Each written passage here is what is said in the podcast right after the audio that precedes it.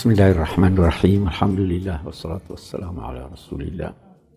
Muhammad ibn Abdullah wa ala alihi wa ashabihi wa man wala. Bapak-bapak, ibu-ibu, saudara-saudara sekalian, Assalamualaikum warahmatullahi wabarakatuh.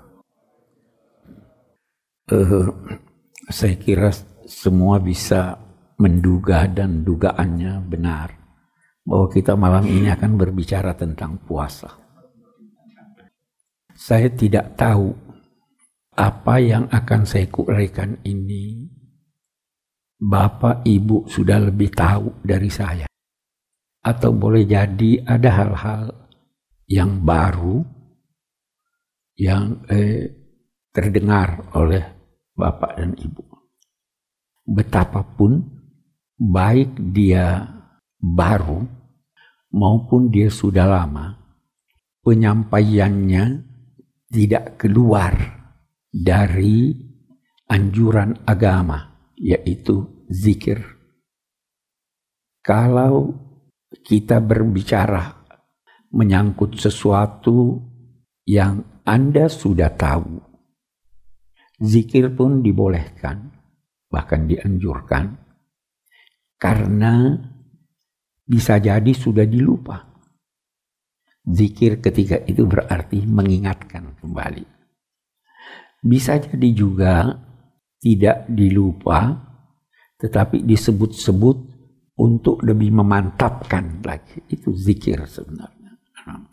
Dan saya kira salah satu salah satu dari anjuran dalam konteks puasa itu adalah zikir. Zikir itu kita dianjurkan zikir.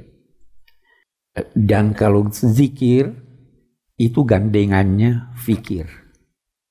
Dua hal ini, fikir dalam bentuk tafakur atau zikir dalam bentuk tazakur, itu mudah sekali.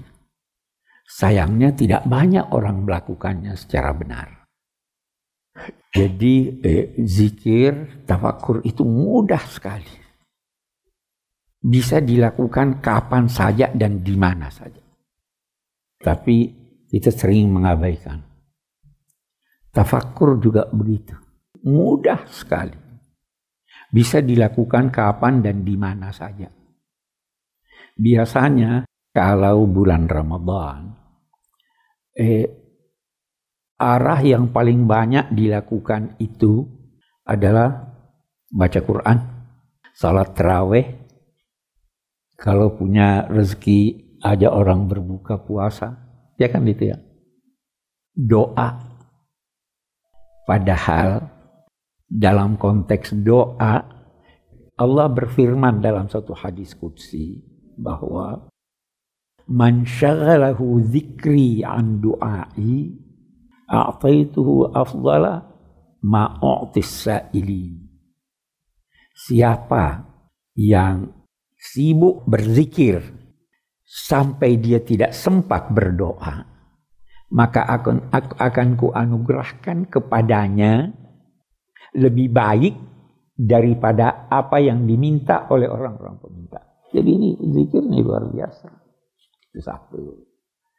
Uh, orang salah faham tentang zikir atau zikrullah. Difikirnya bahwa zikir itu subhanallah, alhamdulillah. Ya kan zikir itu ya. Padahal tidak seperti itu. Atau bukan hanya itu. Zikrullah itu mengingat atau menyebut jadi zikir itu bisa berarti mengingat, bisa berarti menyebut. Apa yang Anda sebut bisa mengingatkan orang lain. Apa yang Anda ingat bisa Anda sebut. Memang kita diperintahkan uzkurullaha zikran kathira. Berzikirlah, sebut-sebutlah, ingat-ingatlah Allah dengan zikir yang banyak. Sekali lagi saya katakan, ada orang yang berkata pokoknya ya zikrullah baca sampai uh, ratusan kali ya. Saya pernah katakan dan saya ada tulis dalam buku tentang zikir bahwa saya tidak tahu. Saya tidak ingin mempersalahkan. Saya hanya berkata, saya tidak tahu, tidak pernah saya menemukan dalam kitab-kitab hadis yang saya pernah baca atau diajarkan bahwa Rasul itu berzikir dalam suatu tempat lebih dari seratus kali. Kita habis salat kan? Subhanallah 33. Tidak ada yang saya tahu. Itu saya pernah melakukan penelitian di delapan kitab hadis. Tetapi tidak mungkin Rasulullah tidak berzikir dengan zikir yang banyak. Jadi mari kita lihat ini barangkali ada hal-hal yang berkaitan dengan zikir itu yang perlu kita laksanakan dan itu sangat mudah. Zikrullah menyebut nama Allah itu atau menyebut-nyebut Allah itu atau mengingat-ingat Allah itu bisa dalam menyebut namanya. Ya Allah, ya Rahman, ya Rahim, ya Allah. Itu bisa. Bisa dengan menyebut perbuatannya. Alam raya, Anda lihat hebatnya ini alam ya. Itu Anda berzikir. Bisa dengan, itu kalau kita rujuk pada Al-Quran bisa ada ada istilah dalam Al-Qur'an Allah berpesan kepada Nabi Musa, "Zakirhum bi ayyamillah." Ingatkan mereka tentang hari-hari Tuhan. Apa itu hari-hari Tuhan?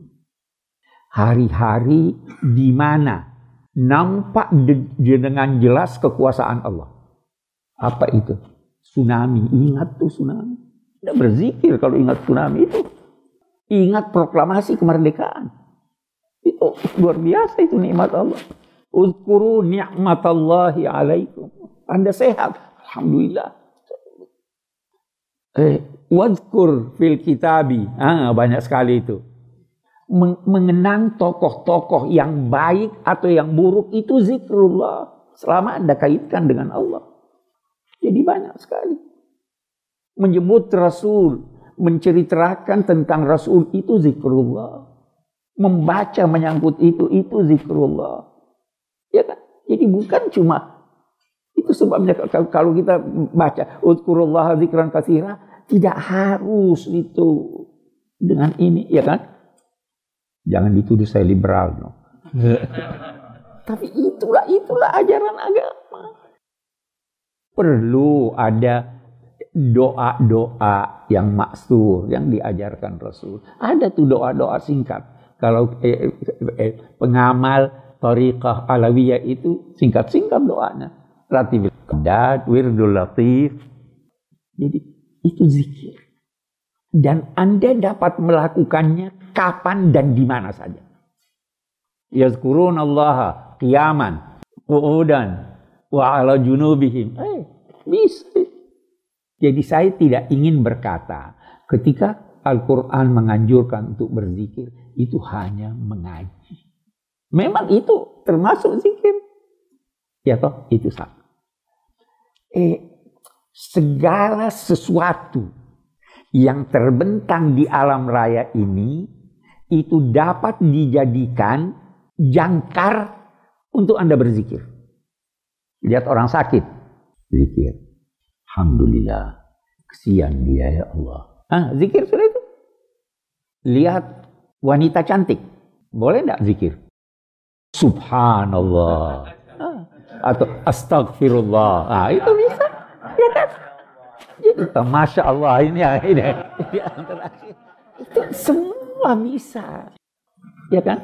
Apa yang dilakukan oleh orang lain, bahkan yang terjadi di alam raya itu, itu bisa jadi jangkar untuk Anda berzikir. Dengar guntur bagaimana? Ada zikirnya tidak dengar guntur? Subhanalladzi yusabbihu ar-ra'du bihamdi wal malaikatu min khifati. Itu zikir itu sudah. Bahkan kegiatan-kegiatan yang Anda lakukan atau atau yang dilakukan oleh orang lain yang berada di luar kontrolnya pun dituntut untuk berzikir. Saya mau beri contoh. Bersin itu di bawah kontrol Anda atau tidak? Tidak ya? Ada tidak zikirnya? Alhamdulillah. Begitu dia berkata Alhamdulillah. Ya Begitu dia berkata. Semua zikir itu bisa dilakukan kapan dan di mana saja. Iya kan? Itu satu yang saya ingin eh, ingatkan. Jangan tenggelam pada suatu ini. Ada hal-hal yang mudah untuk kita lakukan. Nah, seperti tafakur. Itu bisa enggak tafakur di mana aja? Anda duduk sendiri, coba siapkan sedikit waktu untuk merenung.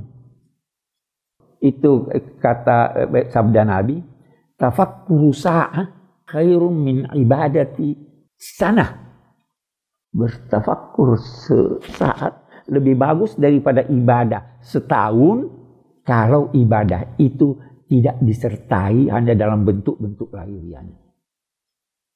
Tafakur itu apa? Gunakanlah apa yang Anda ketahui untuk meraih apa yang Anda tidak tahu.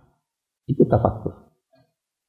Eh, eh, eh, itu ulul albab itu di Al-Quran ada dikatakan apa? Eh, Yadkuruna Allah qiyaman wa qu'udan wa ala junubihim wa yatafakkaruna fi khalqis samawat. Belajar itu bisa terbagian dari berpikir. Belajar kedokteran, belajar kimia, belajar ini. Itu tafakur itu. Yang saya ingin katakan, jangan jadikan bulan puasa itu hanya terbatas pada hal-hal yang biasa kita lakukan. Ngaji, eh, dan sebagainya. Itu satu yang saya ingin katakan. Yang kedua, biasa di bulan puasa ini kita selalu berkata mau beribadah. Ya kan? Sayangnya sebagian kita sangat mempersempit arti ibadah. Ini karena kesalahpahaman yang diakibatkan oleh ahli-ahli fikih hukum. Kita ini sebagian masyarakat kita itu hukum oriented. Ya kan? Halal haram. Ahli-ahli fikih ketika menulis kitab hukum Islam fikih, dia bagi dalam sekian bab berbeda-beda. Secara umum bisa kita katakan ibadah, muamalah, jinayat, ya kan begitu. Baru ibadah dia hanya sebut empat. Baru ada satu diikutkan dalam ibadah. Salat, apa lagi?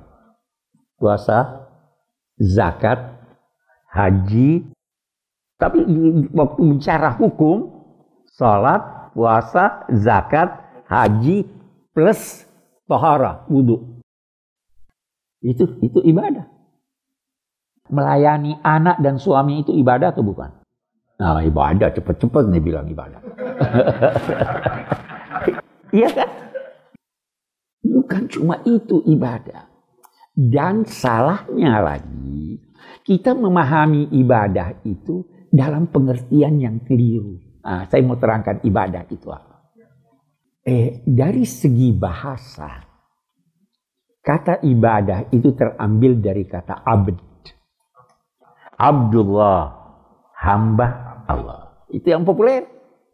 Sebenarnya kata abd itu digunakan oleh bahasa dalam tiga arti.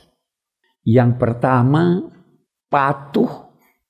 Kepatuhan boleh jadi karena dorongan takut, boleh jadi karena dorongan mengharap, boleh jadi karena dorongan cinta. Abad ini bisa juga berarti tumbuhan yang memiliki aroma yang harum. Itu abad. Bisa juga berarti alat alat yang digunakan untuk sesuatu. Tombak kecil pun itu namanya abad. Itu dari segi bahasa. Nah, abad ini bisa kata jadiannya ubudiyah, bisa kata jadiannya ibadah. Hamba sahaya itu abad sikap yang dilakukan dan dituntut darinya itu adalah ketaatan kepada tuannya. Ya kan? Harus taat pada tuannya. Sehingga apa yang dilakukannya itu dinamai ubudiyah. Tapi kalau ibadah beda. Ibadah itu ketundukan yang luar biasa kepada sesuatu yang Anda takuti luar biasa atau kagumi luar biasa yang Anda tidak tahu hakikatnya. Itu ibadah. Jadi tidak ada ibadah kepada makhluk. Ibadah itu hanya kepada Allah Subhanahu wa taala dan Anda tidak tahu hakikat. Ibadah itu ataupun ubudiyah ada kaitannya dengan hati. Ini kan tadi takut ya. Ini kan mengharap ya. Boleh jadi cinta ya. Kalau tidak ada kaitannya dengan hati, tidak dinamai ibadah. Nah, sekarang kita lihat ini. Bagaimana kita ini? Ibadah kita bagaimana? Kan tidak seperti itu. Ibadah kita kan hanya rukuk, sujud, ini, ini. Tidak ada. Itu pun kata Ibnu Sina, eh, orang yang beribadah karena takut itu seperti eh, hamba sahaya. Sebagian mereka baru kerja baik kalau dilihat ya. Orang yang beribadah itu karena mengharapkan eh, ganjaran itu pedagang. Ibadah yang sesungguhnya itu dorongan cinta. Ini ibadah.